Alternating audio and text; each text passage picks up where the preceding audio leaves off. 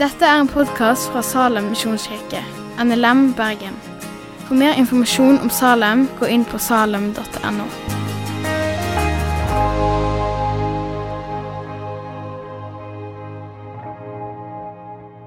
God søndag. Ja, hyggelig med respons. Nå har vi i dag, Til denne søndagen så er vi inne i det som er den siste søndagen i kirkeåret. Og denne søndagen den har da to navn. Domssøndag og Kristi kongedag. Det indikerer at vi kommer til å ha for oss et litt alvorlig budskap, men forhåpentligvis så får vi se at det er lys over det hele òg. På dommens dag så skal Kristus vise seg som den kongen han er. Vi har lært at Jesus han er verdens frelser. At første gang han kom, så kom han ikke for å dømme verden, men for å frelse den, som han sier i Johannes 3, 17. Men en dag så skal han komme igjen, som konge og dommer. Og da skal han sette alle ting i rette stand. For noen så blir denne dommens dag en frigjøringsdag. I Lukas kapittel 21, vers 28 så sier Jesus om disse tidene når dette begynner å skje, sa Jesus, da rett dere opp og løft hodet, for da skal dere bli satt fri. Det er dette Jesus ønsker for oss, at den dagen skal bli en frigjøringsdag og ikke en fortvilelsens dag. Og Jeg skal bare innrømme helt i starten at dette her har vært en krevende tale å forberede.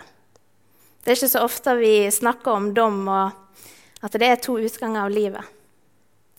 Og jeg ber om at Den hellige ånd skal få lede meg nå, få lede de ordene som jeg skal si. At det som ikke er fra Gud, det må falle dødt til jorda.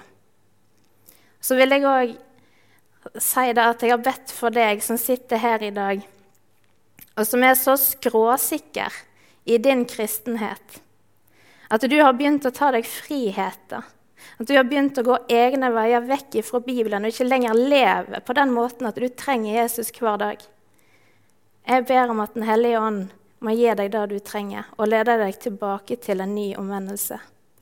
Sånn at Jesus igjen kan få bli det viktigste i livet ditt. Og så ber jeg for deg som er urolig, usikker på om du er frelst. Jeg ber om at du kan finne trygghet og hvile hos Gud. Og vite da at Gud vil frelse. Og at den som er trygg hos Han, vet òg at det er viktig å bli værende hos Han.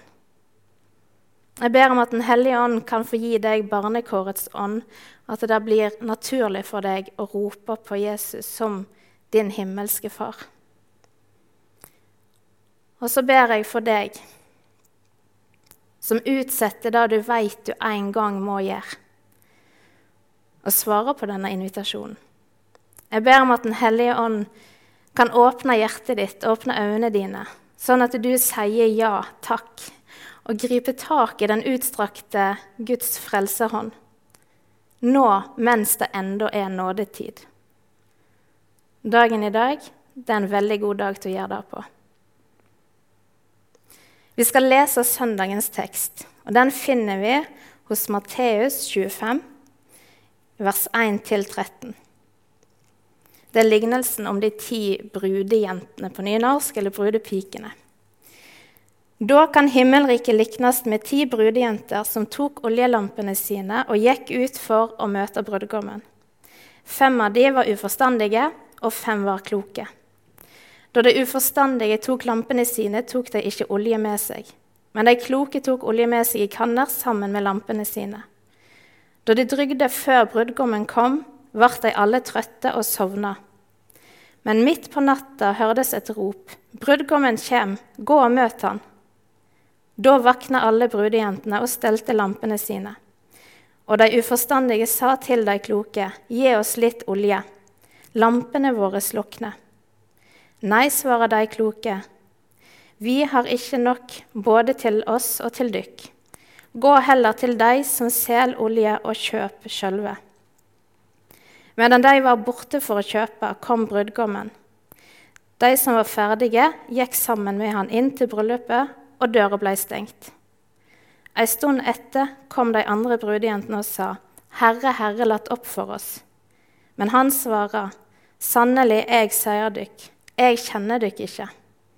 Så vak da, for det kjenner verken dagen eller timen. Når en leser i Bibelen, så er det alltid tre ting du må huske på. Det samme gjelder når en skal forberede en tale. Det er kontekst, kontekst, kontekst. Hvor er denne teksten plassert? Hva forteller det oss om innholdet i teksten? Og Derfor skal vi bruke litt tid nå først til å se på sammenhengen den står i. Det første ordet vi møter i lignelsen, er adverbet 'da'. Det forteller oss at denne lignelsen henger sammen med det som allerede har blitt sagt i kapittel 24. Og I kapittel 24, i vers 3, der så leser vi da at Jesus han er nå på Oljeberget sammen med disiplene. Og Vi er fremdeles måte, i denne samme scenen når vi leser dette, denne lignelsen. For hele kapittel 24 og 25 det er en lang tale. En tale der Jesus forteller om tidene som skal komme, om trengselstid, om den store trengsel. Han snakker bl.a. om krig og rykter om krig. Han snakker om falske profeter, og at det er mange som skal vitne falskt om Messias. Og hvordan ting skal være i tida før han kommer igjen. Kapittel 24 det avslutter med en formaning om å holde seg vaken eller klar fordi de ikke vet om dagen eller timen da han kommer igjen. Og der starter lignelsen vår. Da kan himmelriket lignes med ti brudejenter som tok oljelampene sine. Dette da det viser til et konkret tidspunkt som skal komme. Og Det tidspunktet jeg refererer til, er på Herrens gjenkomstdag. Altså dagen Jesus kommer igjen for å være konge og dommer. Og da kan himmelriket lignes med. Det er ingen tvil om at vi har med en lignelse å gjøre. Og når Jesus fortalte lignelser, sånn som vi kan lese i evangeliene, så brukte han alltid gjenkjennelige element som var gjenkjennbare for tilhørende sine, for deres hverdag. Denne lignelsen er ingen unntak. Her bruker Jesus jødisk festtradisjon, bryllupsfesten, som en referanseramme og så putter han inn en ny, større og dypere betydning enn det som tilhørende før kjente den som. Og så kjenner kanskje ikke vi så veldig godt til hvordan jødisk bryllup foregår. I jødisk tradisjon så har de masse symbol og mange ting de putter inn i hverdagen sin, og er veldig symbolsk tunge.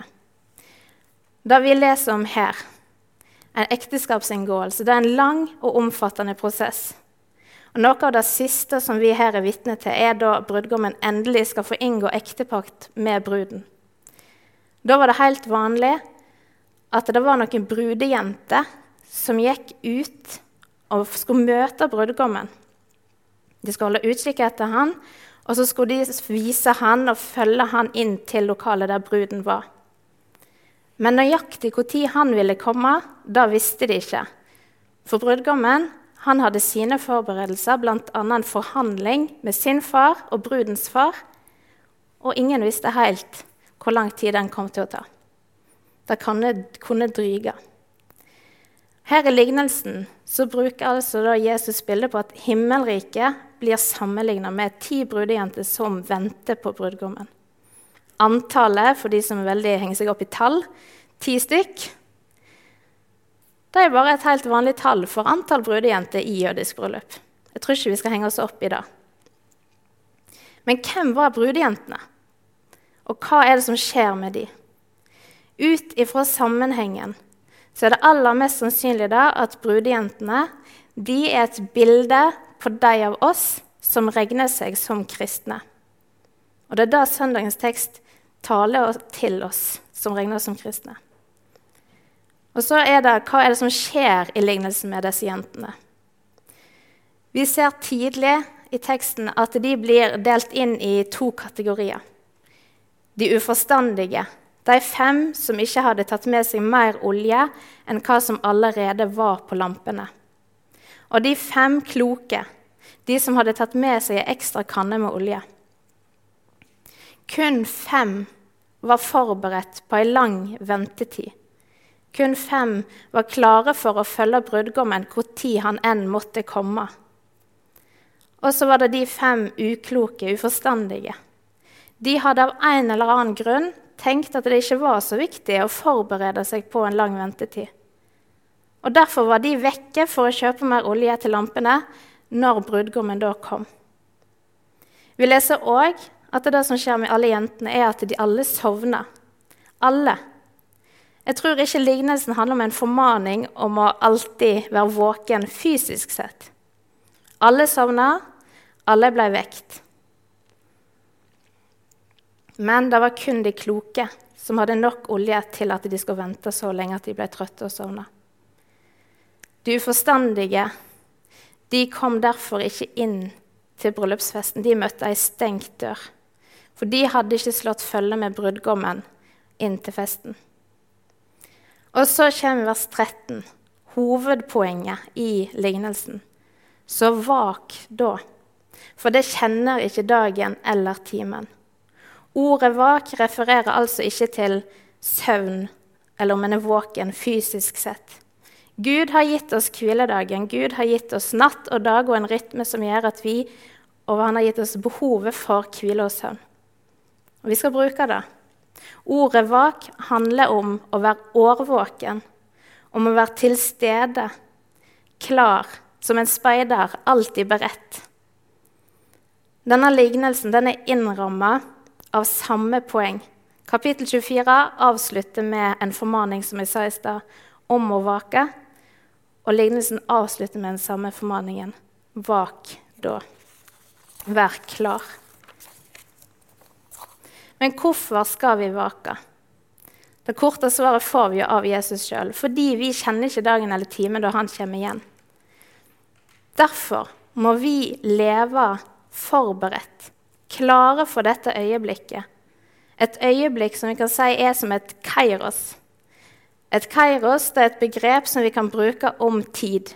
Et type tid, et øyeblikk som du kun får den ene gangen. Du får kun én sjanse, et avgjørende øyeblikk.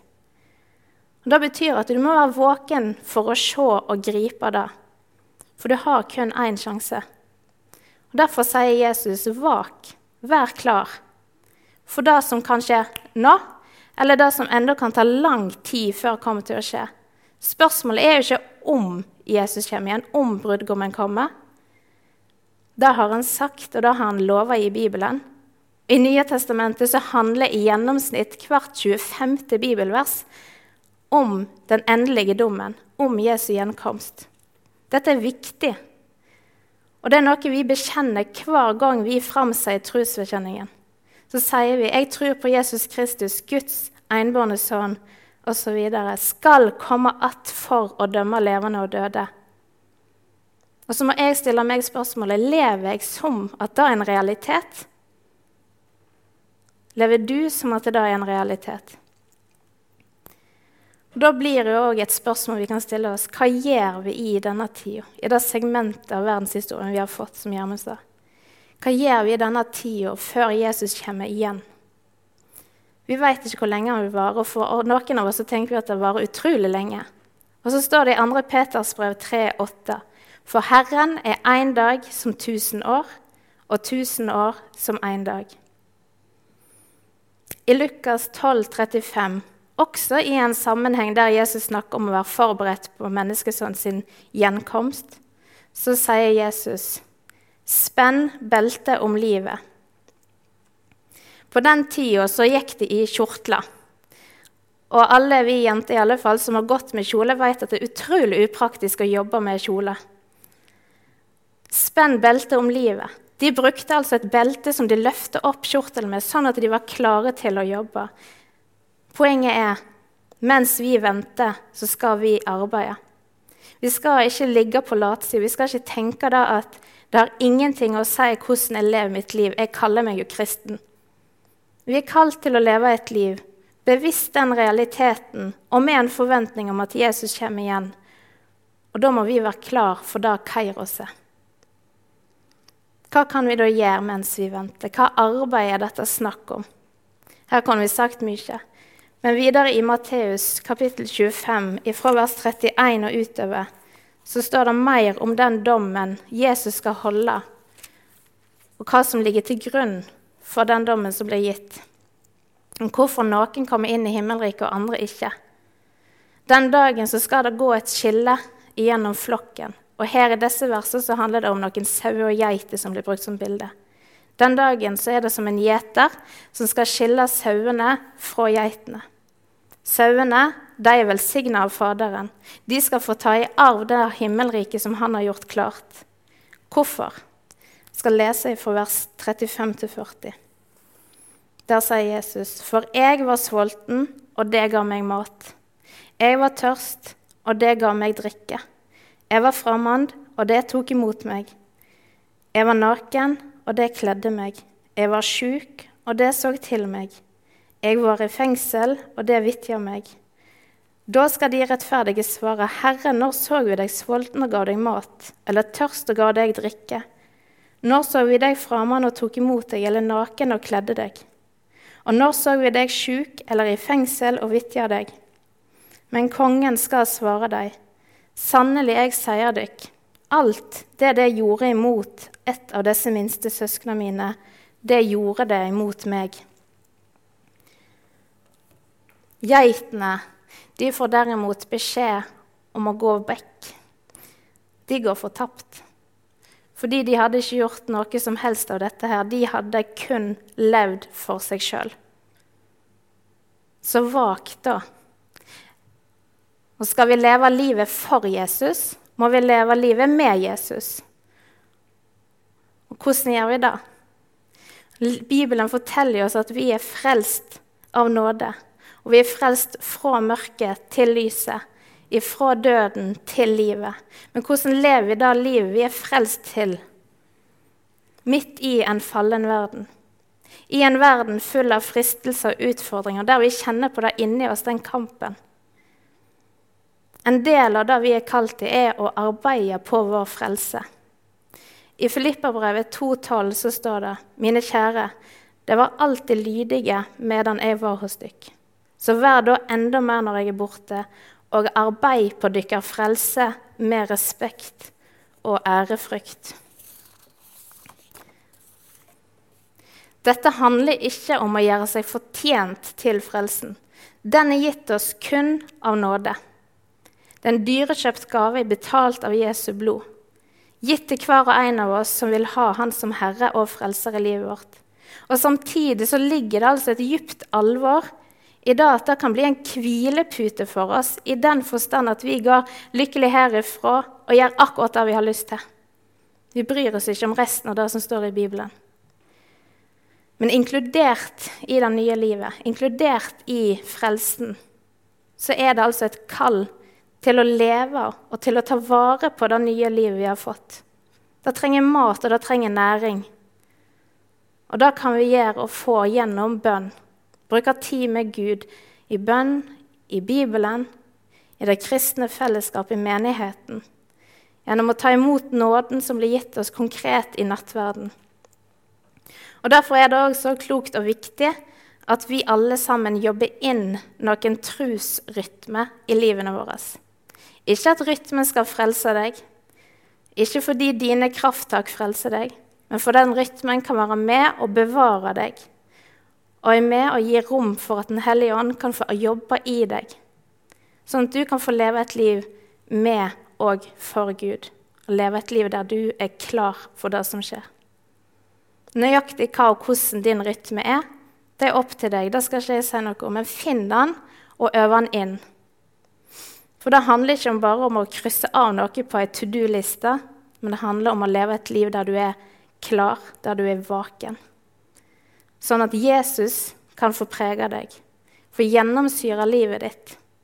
Vi er ikke kalt bare til å være søndagskristne, men til å følge Jesus hver eneste dag og til å leve med en forventning om at han kommer igjen.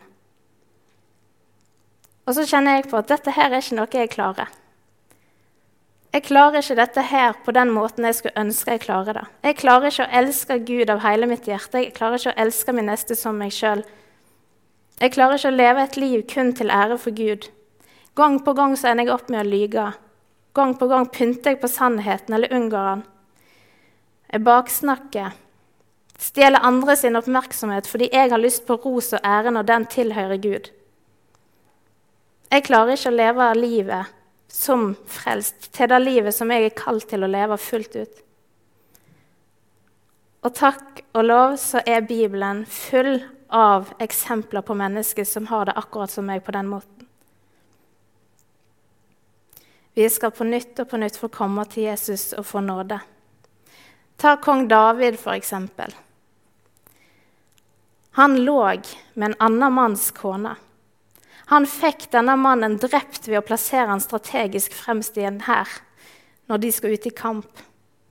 Og Likevel så står det så tydelig at vitnesbyrdet til David er at han er en mann etter Guds hjerte. Hvordan henger det sammen? David han valgte å igjen bøye seg for Gud. Han valgte å være ærlig med Gud over sitt fall. Han tok profeten Natans formaning på alvor og ba Gud om tilgivelse for sine feilsteg, for sine synder. Og da er vi jo kalt til til å leve i omvendelse, til å leve ærlig med Gud. Tilbake til eh, brudejentene som venter på brudgommen. Kun fem av de var klare for at ei ventetid, og den kunne bli lang. Er du klar for ei ventetid? Kanskje er det noen her som har gitt opp håpet. Håpet på at brudgommen Jesus kommer igjen.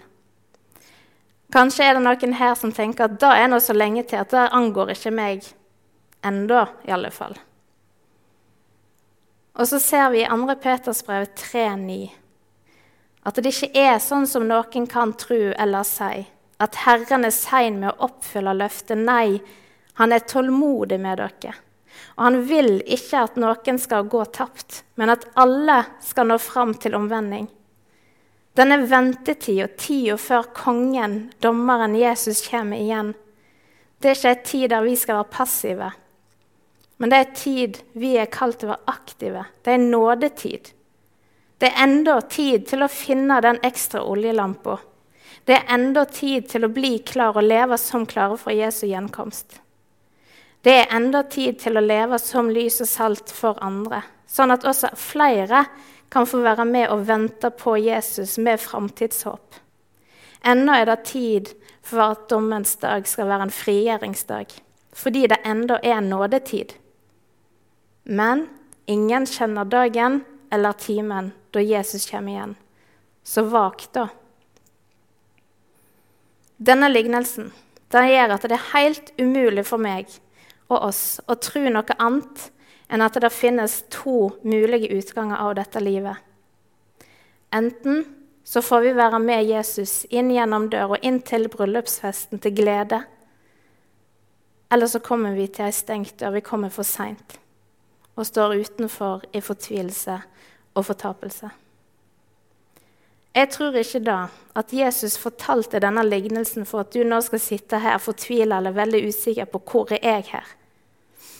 Jeg tror lignelsen er et kall, en formaning til deg og meg til å våkne, til å våke, til å være klar for verdenshistoriens viktigste kairos.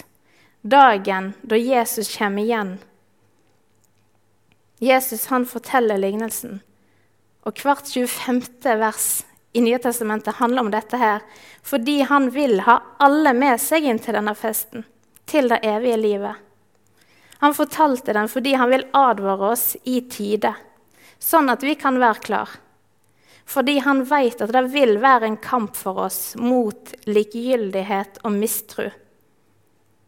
Denne teksten står som en formaning til å komme oss over i den rette flokk, til å være en del av sauene, til å være som de kloke brudejentene, som er klare for en lang ventetid mens det ennå er nådetid.